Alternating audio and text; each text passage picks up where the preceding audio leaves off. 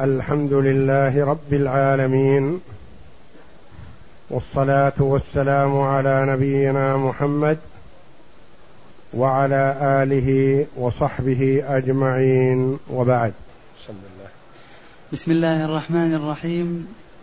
قال المؤلف رحمه الله تعالى فصل ثم يقرأ الفاتحة وهي الركن الثالث في حق الإمام والمنفرد. لما روى عبادة عن النبي صلى الله عليه وسلم أنه قال لا صلاة لمن لم يقرأ بفاتحة الكتاب متفق عليه. قال المؤلف رحمه الله تعالى فصل ثم يقرأ الفاتحة وتقدم لنا باب أركان الصلاة. وأركان الصلاة خمسة عشر. تقدم لنا الركن الأول وهو القيام في الفرض ولا يجب في النافلة. بل لو صلى جالسا وهو مستطيع القيام في النافلة فصلاته على النصف من صلاة القائم وهي صحيحة. وأما الفريضة فيجب لها القيام مع القدرة. لقول النبي صلى الله عليه وسلم صل قائما فإن لم تستطع فقاعدا فإن لم تستطع فعلى جنب. الركن الثاني من أركان الصلاة تكبيرة الإحرام وهي التكبيرة الأولى. فهي ركن من أركان الصلاة لا تتم الصلاة إلا بها. والركن الثالث من أركان الصلاة الفاتحة قراءة الفاتحة. وهي ركن من أركان الصلاة وواجبة في كل ركعة للإمام والمنفرد. فلا تصح صلاة الإمام إذا لم يقرأ بفاتحة الكتاب لقوله صلى الله عليه وسلم لا صلاة لمن لم يقرأ بفاتحة الكتاب. متفق عليه. وكذلك المنفرد. وأما المأموم فالخلاف في وجوب القراءة عليه مشهور بين العلماء رحمهم الله. فمن العلماء من قال قراءة الإمام قراءة له ولمن خلفه في السرية والجهرية. ومن العلماء من قال يجب على المأموم أن يقرأ الفاتحة خلف الإمام في الصلاة السرية والجهرية. ومن العلماء من قال تجب في الجهرية دون تجب في السرية دون الجهرية فالإمام يتحملها عن المأموم لكون الإمام يقرأ جهرا والمأموم يؤمن على قراءته والمؤمن على قراءة الإمام كالقارئ. وكذلك فيه تفصيل في الجهرية في الجهري في صلاة الجهرية هل تجب على المأموم أو لا تجب. والعلماء رحمهم الله في الجهرية خاصة اختلفوا فقال يقول شيخ الإسلام ابن تيمية رحمه الله قيل ليس له أن يقرأ حال جهر الإمام إذا كان يسمع لا بالفاتحة ولا بغيرها. يقول رحمه الله وهذا قول الجمهور من السلف والخلف. وهذا مذهب مالك وأحمد وأبي حنيفة وغيرهم وأحد قولي الشافعي. وقيل بل يجوز الأمران والقراءة أفضل. ويروى هذا عن الأوزاعي وأهل الشام والليث بن سعد وهو اختيار طائفة من أصحاب أحمد وغيرهم. وقيل بل القراءة واجبة وهو القول الآخر للإمام الشافعي. يقول شيخ الإسلام رحمه الله وقول الجمهور هو الصحيح فإن الله سبحانه وتعالى قال وإذا قرئ القرآن فاستمعوا له وأنصتوا لعلكم ترحمون. قال أحمد أجمع الناس أنها نزلت في الصلاة يعني أنه يجب الإنصات لقراءة الإمام في الصلاة. ففيها هذه الأقوال والأحوط للمصلي أن يحرص على قراءة الفاتحة خلف الإمام في سكتات الإمام. ولو قطعها لا حرج. لو قرأ بعد تكبيرة الإحرام وبعد الاستفتاح مثلا جزءا من الفاتحة. فإذا سكت الإمام بعد قوله ولا الضالين فيقرأ ما بقي أو يقرأ جزءا منها. فإذا سكت الإمام للتكبير للركوع قرأ ما بقي إن كان قد بقي عليه شيء. فيحاول أن يقرأها في سكتات الإمام إذا كان له سكتات خروجا من الخلاف.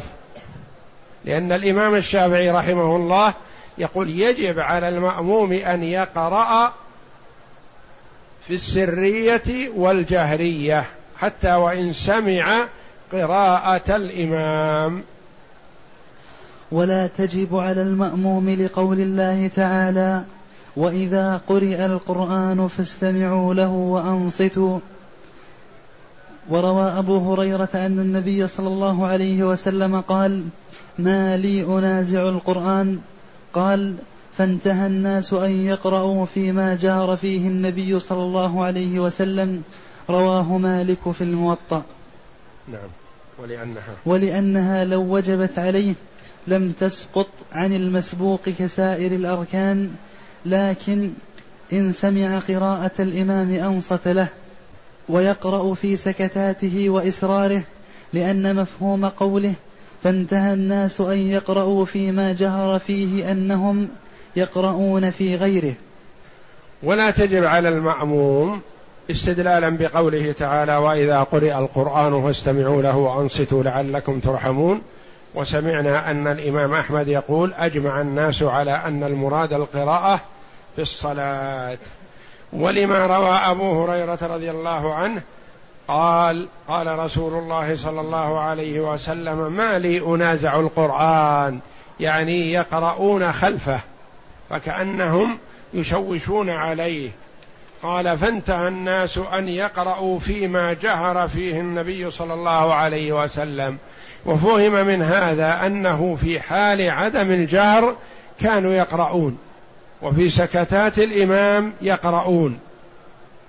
وهناك تعليل لمن قال لا يجب على المأموم أن يقرأ. قال لو كانت قراءة الفاتحة واجبة لأوجبناها على المسبوق. الذي فاتته فاته أول الركعة. ولا شك أن من أدرك الركوع أدرك الركعة وإن فاتته القراءة. فلو كانت القراءة واجبة حتما لاعتبر قد فاتته الركعة إذا فاتته الفاتحة. وتجب قراءة الفاتحة في كل ركعة لما روى أبو قتادة عن النبي صلى الله عليه وسلم كان يقرأ في الآخ في, في الأخيرتين بأم الكتاب متفق عليه.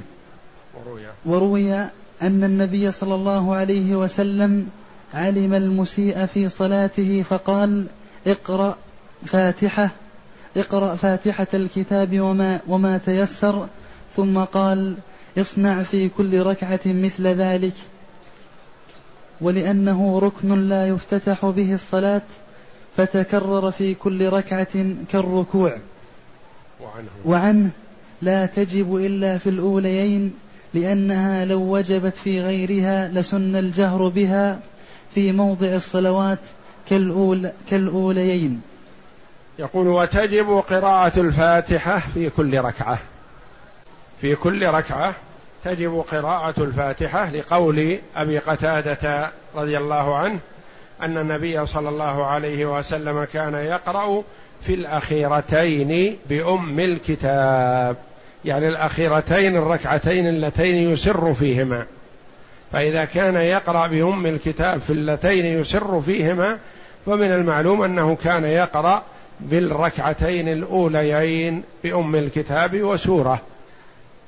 ولقول النبي صلى الله عليه وسلم للمسيء في صلاته اقرأ فاتحة الكتاب وما تيسر.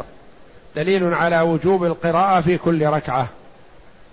ولأنها تقرأ في الركعات وليست مما يفتتح به الصلاة كتكبيرة الإحرام.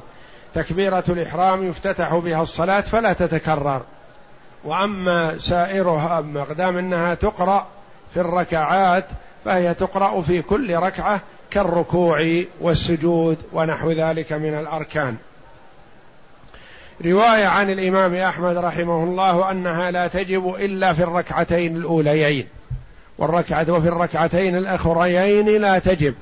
قالوا لأنه لا يسن فيهما الجهر فلو كانت تقرأ لجهر الإمام. وهذا تعليل فالقول الأول هو الراجح والله أعلم وهو الذي يعضده الدليل. نعم. ويجب أن يقرأ الفاتحة مرتبة متوالية فإن قطع قراءتها بذكر كثير أو سكوت طويل عامدا أعادها. وإن فعل ذلك ناسيا أو كان الذكر أو السكوت يسيرا أتمها لأن الموالاة لا تفوت بذلك. وإن نوى قطعها لم تنقطع لأن القراءة باللسان فلم تنقطع بالنية بخلاف نية الصلاة. ويجب قراءة الفاتحة مرتبة متوالية. هذا في حق الإمام والمنفرد. يجب أن يقرأ الإمام الفاتحة مرتبة. يعني لا يصلح أن يقول الحمد لله رب العالمين مالك يوم الدين الرحمن الرحيم لا بد أن يرتب الآيات كما هي مرتبة في المصحف.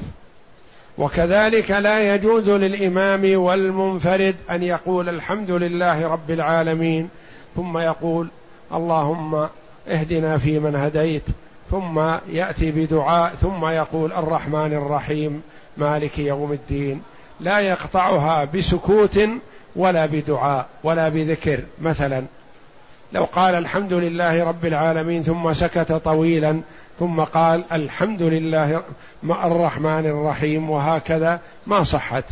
فلا بد أن يقرأها مرتبة يعني كترتيب الآيات في المصحف وأن يقرأها متوالية لا يقطعها.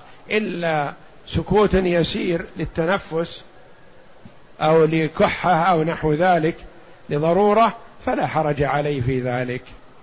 ويأتي فيها وإن نوى قطعها سكت ونوى قطعها لأجل أن يبدأها من جديد ما صح لأن مجرد نية القطع ليس بقطع لأن هذه قراءة والقراءة لا تنقطع بالنية بل يواصل بينها. نعم. ويأتي فيها بإحدى عشرة تشديدا فإن أخل بحرف منها أو بشدة لم تصح. لأنه لم يقرأها كلها والشدة أقيمت مقام حرف وإن خفف الشدة صح لأنه كالنطق به مع العجلة.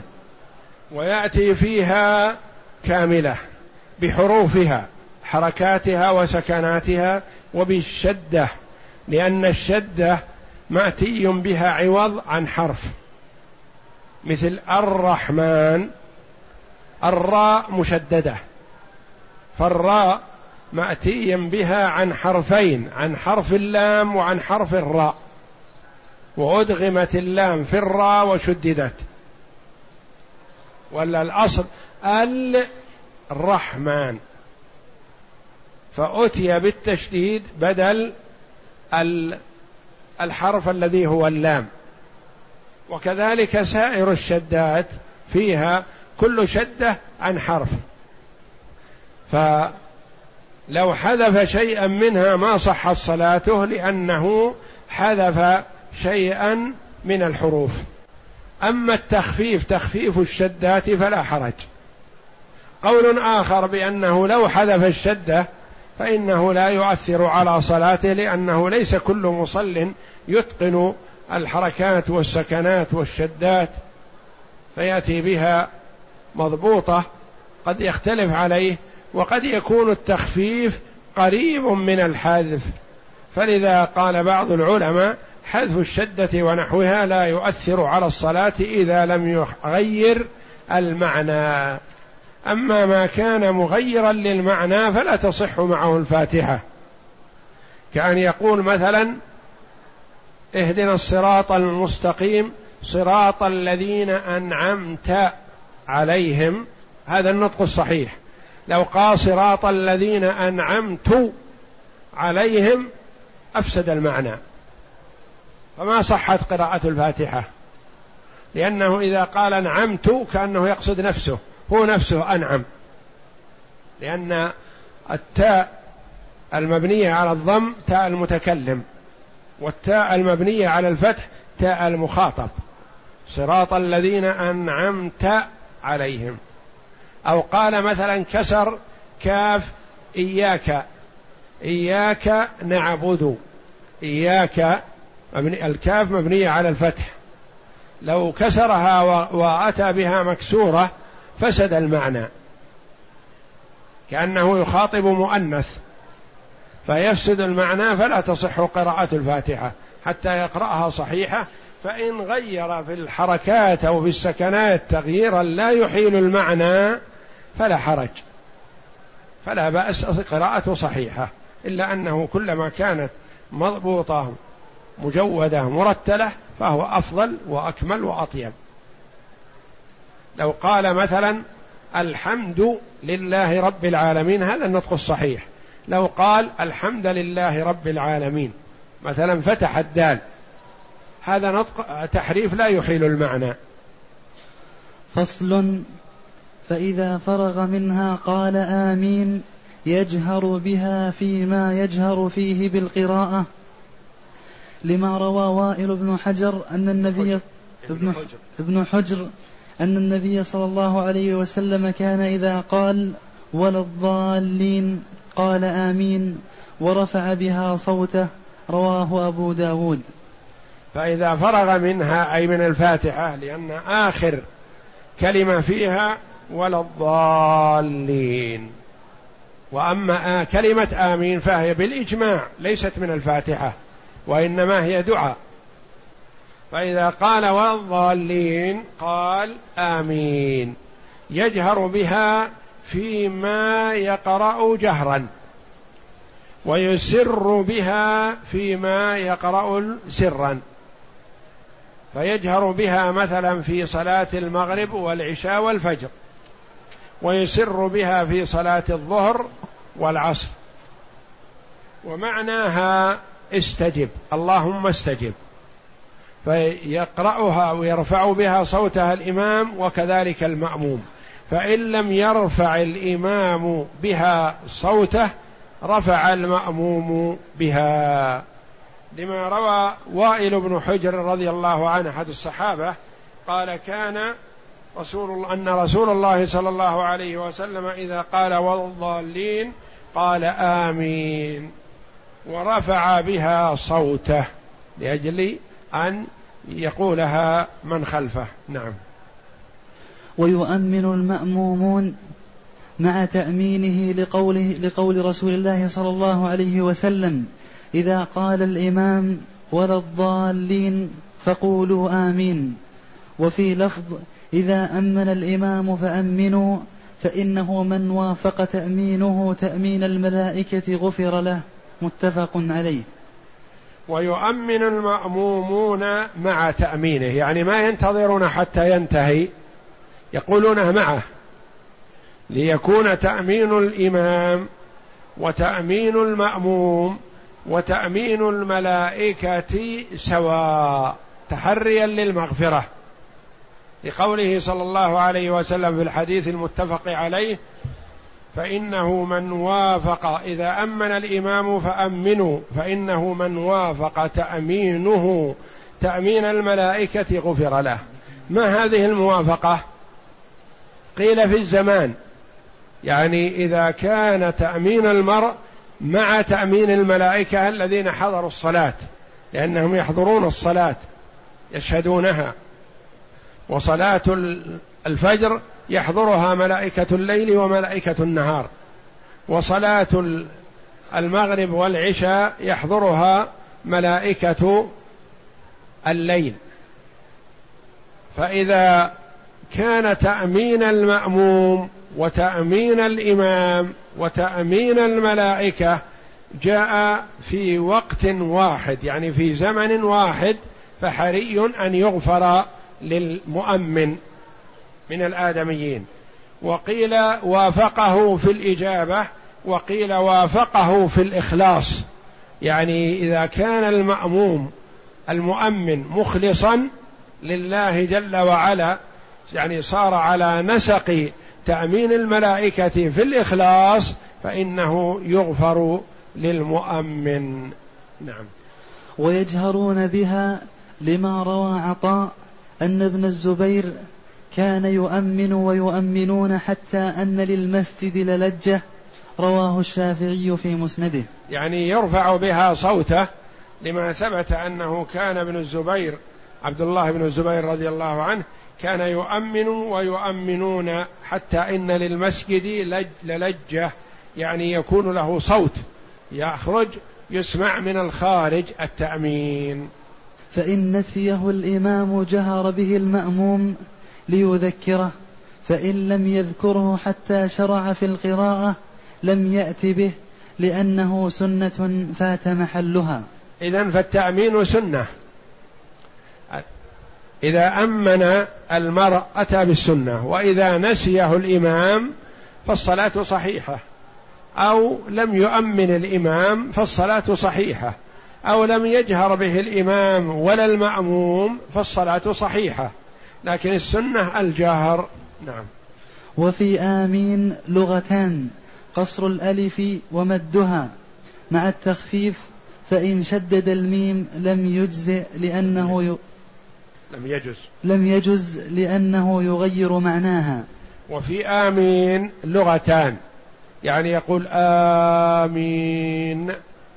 مد الألف الأولى. وقصرها يقول آمين. مع التخفيف. فإن شدد الميم لم يجز. إذا شدد الميم من آمين كأن قال أمين. أمين أو آمين.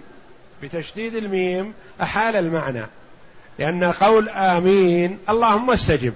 وإذا قال آمين بمعنى قاصدين. لأن آم كذا بمعنى قصد كذا. فإذا قال آمين فسد المعنى وما صحت. وإنما يقول آمين بمد الألف الأولى ويجوز قصرها فيقول آمين أو آمين. نعم. فصل.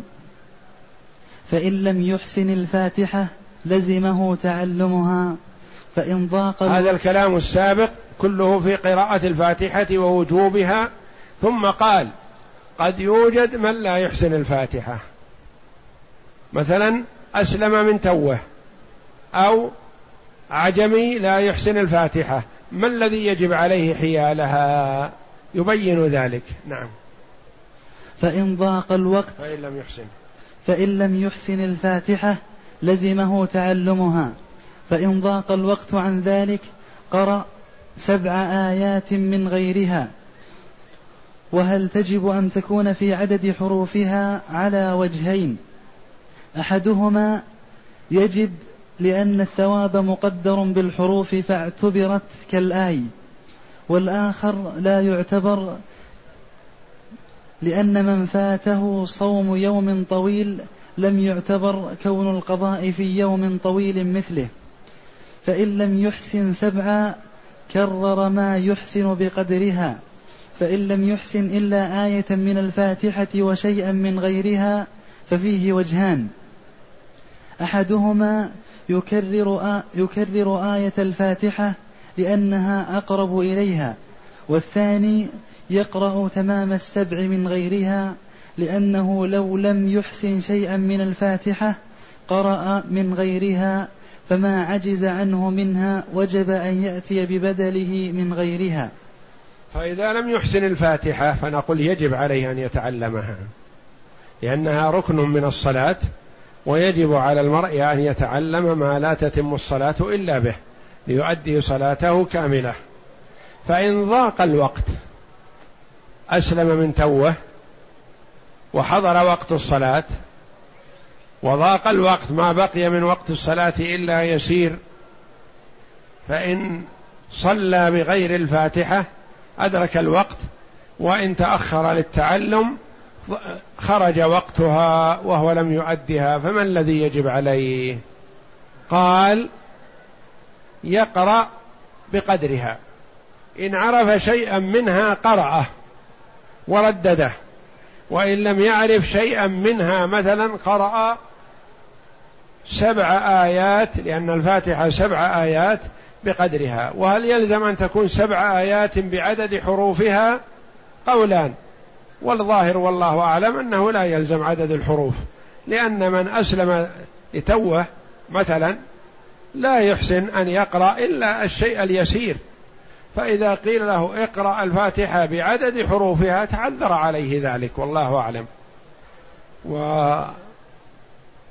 والذين قالوا إنه يجب عليه أن يقرأ بعدد حروفها قالوا لأن ثواب الصلاة موزع على حروف الفاتحة وعلى الحروف. فإذا لم يقرأ عدد الحروف حرم من بعض ثواب الصلاة. وهذا فيه مشقة. ثم إن من عليه صيام يوم من رمضان يلزمه أن يصوم يوما بدل يوم ولا يلزم أن يكون بقدر الساعات. مثلا في بعض الأشهر يكون النهار خمس عشرة ساعة.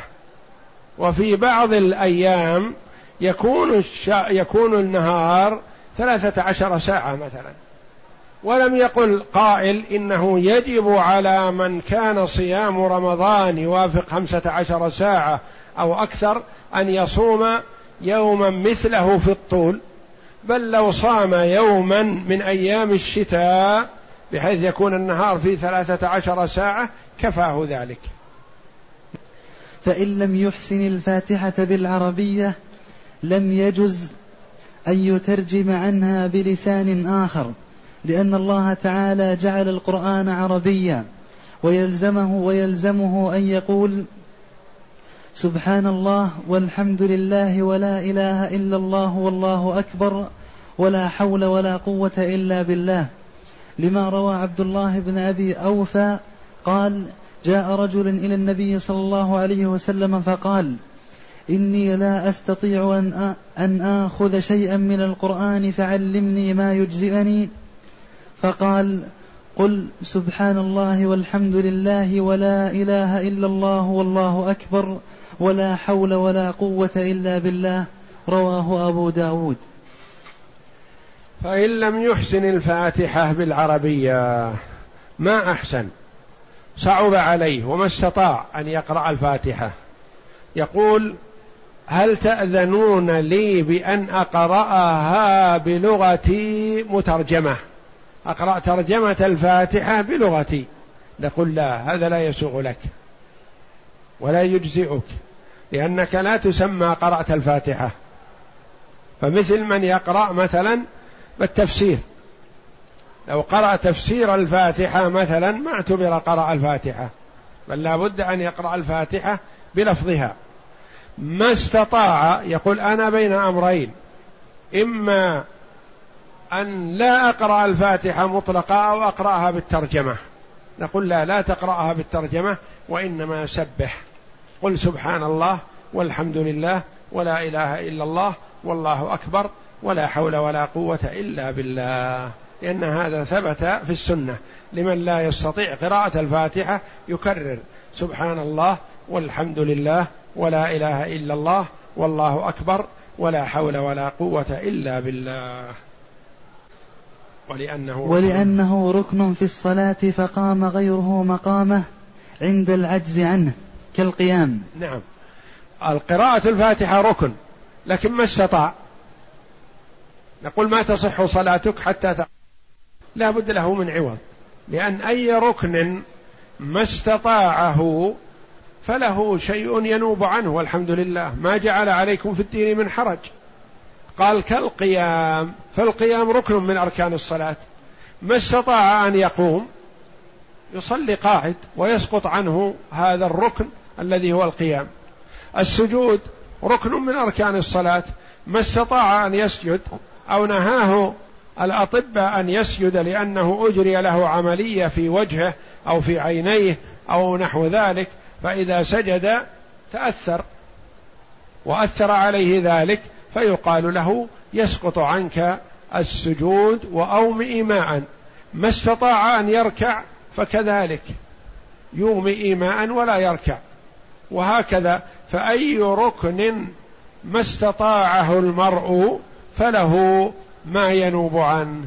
ما استطاع أن يقرأ فيسبح. ويأتي بالتسبيح الوارد ويكفيه ذلك. نعم.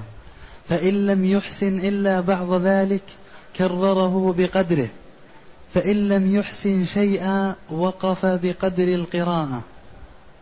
فإن لم يحسن إلا بعض ذلك. يعني أسلم من توه وبدأنا نعلمه الفاتحة. فعرف الحمد لله رب العالمين الرحمن الرحيم مالك يوم الدين. عرف ثلاث الآيات. وما استطاع أن يعرف البقية إلى الآن. فنقول يقرأ الثلاث الآيات هذه ويكررها. يكررها. فإذا لم يستطع هذه الآيات نقول يقرأ شيء من القرآن. ما استطاع أن يقرأ وما استطاع التكبير سبحان الله والحمد لله ولا إله إلا الله والله أكبر ماذا يجب عليه؟ ما تسقط عنه الصلاة. يقف. يقف ويركع ويسجد وهكذا. لأن الله جل وعلا قال فاتقوا الله ما استطعتم. نعم. فصل ويستحب للإمام أن يسكت بعد الفاتحة سكتة ويقرأ فيها من خلفه. لما روى يقرأ فيها. يقرأ من يقرأ يقرأ فيها من خلفه. لما روى سمرة أنه حفظ عن رسول الله صلى الله عليه وسلم سكتتين سكتة إذا كبر وسكتة إذا فرغ من قراءة غير المغضوب عليهم ولا الضالين. رواه أبو داود. وقال, وقال أبو سلمة بن عبد الرحمن للإمام سكتتان فاغتنموا فيها القراءة بفاتحة الكتاب. إذا إذا افتتح الصلاة وإذا قال ولا الضالين. يقول رحمه الله يستحب للإمام أن يسكت سكتة يسيرة بعد قراءته الفاتحة حتى يترك فرصة للمأموم ليقرأ الفاتحة. وقال أبو سلمة بن عبد الرحمن بن عوف رضي الله عنه ورحم أبو سلمة أحد فقهاء التابعين رحمه الله يقول للإمام سكتتان سكتة بعد التكبير يعني الاستفتاح وسكتة إذا قال ولا الضالين فاغتنموها في قراءة الفاتحة. يعني يغتنمها المأموم يقرأ فيها الفاتحة. والإمام إذا سكت سكتة يسيرة يجعل فرصة للمأموم ليأتي بالفاتحة. نعم. فصل ويسن أن يقرأ بعد الفاتحة سورة تكون في الصبح من طوال من طوال المفصل وفي المغرب من قصاره وفي سائرهن من أوساطه لما روى جابر بن سمرة أن النبي صلى الله عليه وسلم كان يقرأ في الفجر بقاف. رواه مسلم. وعنه قال كان النبي صلى الله عليه وسلم يقرأ في الظهر والعصر بالسماء والطارق والسماء ذات البروج ونحوها ونحوهما من السور. رواه أبو داود. وعنه قال كان رسول الله صلى الله عليه وسلم إذا دحضت الشمس صلى الظهر وقرأ بنحو والليل إذا يغشى والعصر كذلك والصلوات كلها إلا الصبح فإنه كان يطيلها. رواه أبو داود.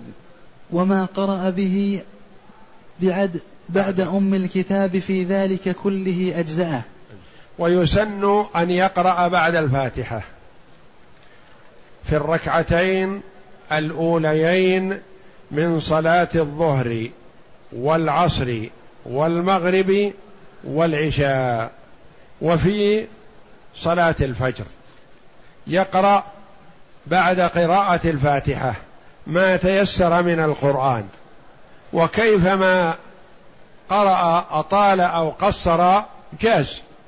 إلا أن الأفضل أن يقرأ في الفجر بطوال المفصل ويقرأ في المغرب بقصار المفصل ولا يواظب على هذا ويقرأ في الظهر والعصر والعشاء بالأوساط. والمفصل أوله سورة قاف وآخره سورة الناس. فكان النبي صلى الله عليه وسلم يقرأ في الفجر بطوال المفصل يقرأ بقاف أحيانا وأحيانا يقرأ بألف لام ميم السجدة في الركعة الأولى وخاصة يوم الجمعة. وبالركعة الثانية هل أتى على الإنسان حين من الدهر؟ ويقرأ بطوال المفصل مثل الواقعة وغيرها. وفي المغرب يقرأ بالقصار ولا يواظب على هذا دائما وأبدا وإنما هي أولى بالقصار. ويقرأ في الظهر والعصر والعشاء بالوسط مثل والسماء والطارق والسماء ذات البروج والليل إذا يغشى والشمس وضحاها وهكذا. وربما أطال أحيانا في الركعة الأولى في صلاة الظهر لأن الظهر هي التي تلي الفجر في الإطالة. ويقول الصحابي رضي الله عنه كان النبي صلى الله عليه وسلم يدخل في صلاة الظهر فيذهب الذاهب إلى البقيع فيقضي حاجته ثم يعود إلى أهله فيتوضأ ويأتي إلى النبي صلى الله عليه وسلم فيدرك معه الركعة الأولى مما يطيل صلى الله عليه وسلم الركعة الأولى في صلاة الظهر. وكان عليه الصلاة والسلام يطيل الركعة الأولى ما لا يطيل في الركعة الثانية من سائر الصلوات. فانظر بأن الرسول عليه الصلاة والسلام يدخل في صلاة الظهر. ثم يذهب الرجل إلى البقيع خارج مساكن المدينة فيقضي حاجته من بول أو غائط ثم يعود إلى داره ثم يتوضأ ثم يأتي إلى النبي صلى الله عليه وسلم ويدرك معه صلاة الركعة الأولى من صلاة الظهر. فكان أحيانا يطيل عليه الصلاة والسلام وأحيانا يقصر. وأحيانا يدخل في الصلاة بنية الإطالة ثم يسمع بكاء الصبي في البيت أو في المسجد مع أمه فيخفف لما يرى من وجد أمه عليه. وأحيانا يقرأ في السورة يريد أن يطيل ثم تأخذه الكحة صلى الله عليه وسلم ثم يركع. وهكذا فكان عليه الصلاة والسلام يطيل القراءة أحيانا ويقصرها أحيانا. نعم. ويستحب له أن يطيل الركعة الأولى من كل صلاة لما روى أبو قتادة أن النبي صلى الله عليه وسلم كان يقرأ في الركعتين الأوليين من الظهر بفاتحة الكتاب وسورتين يطول في الأولى ويقصر في الثانية ويسمع ويقصر, ويقصر يعني يقصر القراءة. ويقصر في الثانية ويسمع الآية أحيانا وكان يقرأ في الركعتين الأخيرين بفاتحة الكتاب وكان يقرأ في العصر في الركعتين الأوليين بفاتحة الكتاب وسورتين يطول في الأولى ويقصر في الثانية. ويقصر ويقصر ويقصر ويقصر في الثانية. وكان يطول في الركعة الأولى من كل صلاة من من صلاة من من من ص... وكان ويقصر في الثانية؟ لا لا. وكان. وكان يطول في الركعة الأولى من صلاة الصبح ويقصر في الثانية متفق عليه. نعم. وفي وفي هذا الحديث حديث أبي قتادة رضي الله عنه يصف لنا صلاة النبي صلى الله عليه وسلم. فكان يقول يقرأ في الركعتين الأوليين من صلاة الظهر بسورتين يطول في الركعة الأولى ويقصر في الثانية ويقرأ بعد في صلاة العصر في الركعتين الأوليين بسورتين يطول في الأولى ويقصر في الثانية ويقرأ في صلاة الصبح ويطول في الركعة الأولى ويقصر في الركعة الثانية. متفق عليه. يقول وكان يسمعنا الآية أحيانا يعني في صلاة الظهر وصلاة العصر. كأنه يسمعهم ليعرفوا أنه يقرأ عليه الصلاة والسلام وأنه ليس ساكت والصلاة ليس فيها سكوت وإنما كلها ذكر أو قراءة. وإطالته صلى الله عليه وسلم في الركعة في الركعة الأولى لأجل أن يدرك الناس الركعة الأولى معه حرصا منه صلى الله عليه وسلم وشفقه على الأمة من أجل إدراك الركعة الأولى معه صلى الله عليه وسلم. نعم. وفي رواية فضضنا أنه يريد بذلك أن يدرك الناس الركعة الأولى. نعم. ولا يزيد على أم الكتاب في الأخيرين في الأخريين من الرباعية ولا الثالثة من المغرب لهذا الحديث. نعم وكان في الركعتين الأخريين يعني الأخيرتين الثالثة والرابعة من الظهر والعصر والعشاء والثالثة من المغرب لا يزيد على الفاتحة يقرأ بأم الكتاب فقط. فصل ويسن للإمام الجهر بالقراءة في الصبح والأوليين من المغرب والعشاء والإسرار فيما وراء ذلك لأن النبي صلى الله عليه وسلم كان يفعل ذلك. ولا يسن الجهر لغير الإمام لأنه لا لا يقصد إسماع غيره. وإن جهر المنفرد فلا بأس لأنه لا ينازع غيره وكذلك القائم لقضاء ما فاته من الجماعة. نعم.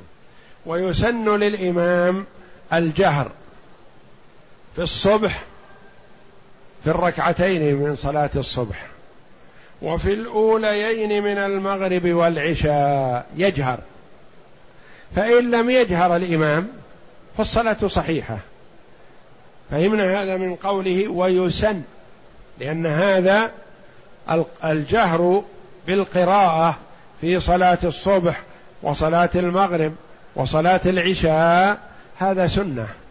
فلو أسر الإمام صحت الصلاة أو أسر الفاتحة وجهر في السورة التي تليها صحت الصلاة. لأن الإسرار سنة. ويسن الإخفات في صلاة الظهر وصلاة العصر. فإن جهر في صلاة الظهر أو صلاة العصر فلا بأس فالصلاة صحيحة. وأما المأموم فلا يسن له الجهر لأنه لا يقصد إسماع غيره. فالمأموم يسر ولا يرفع صوته لأنه إذا رفع صوته شوش على من حوله. حتى وإن كان الإمام يسر فينبغي للمأموم أن يسر ولا يجهر. فإن جهر بالآية أحيانا فلا بأس بذلك ولا تبطل بذلك الصلاة. نعم. وإن فاتته صلاة ليل فقضاها نهارا لم يجهر لقول النبي صلى الله عليه وسلم إن صلاة النهار عجماء وإن فاتته صلاة نهار فقضاها ليلا لم يجهر لأنها صلاة نهار وإن فاتته ليلا فقضاها ليلا في جماعة جهر. إذا فاتته صلاة مثلا. فأتته صلاة الفجر. وقضاها بعد طلوع الشمس مثلا. قضاء. فلا يجهر. لأن الصلاة الفجر يجهر بها في وقتها. لكن ضحى لا.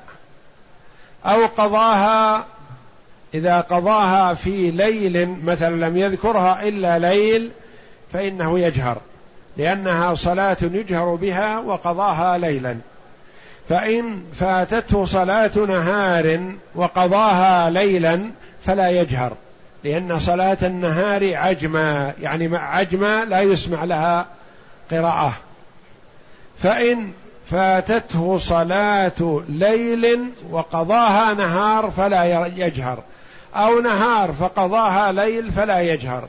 فإن فاتته صلاة ليل وقضاها ليل فله أن يجهر وله أن يسر والجهر أفضل ما دام أنها صلاة ليل قضاها في ليل. نعم. وإذا فرغ من القراءة استحب أن يسكت سكتة قبل الركوع لأن في حديث سمرة في بعض رواياته وإذا فرغ من القراءة سكت.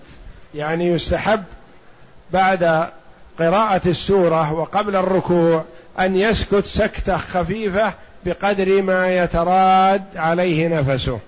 لأن في حديث أبي قتادة أن النبي صلى الله عليه وسلم في حديث سمرة في بعض رواياته وإذا فرغ من القراءة سكت.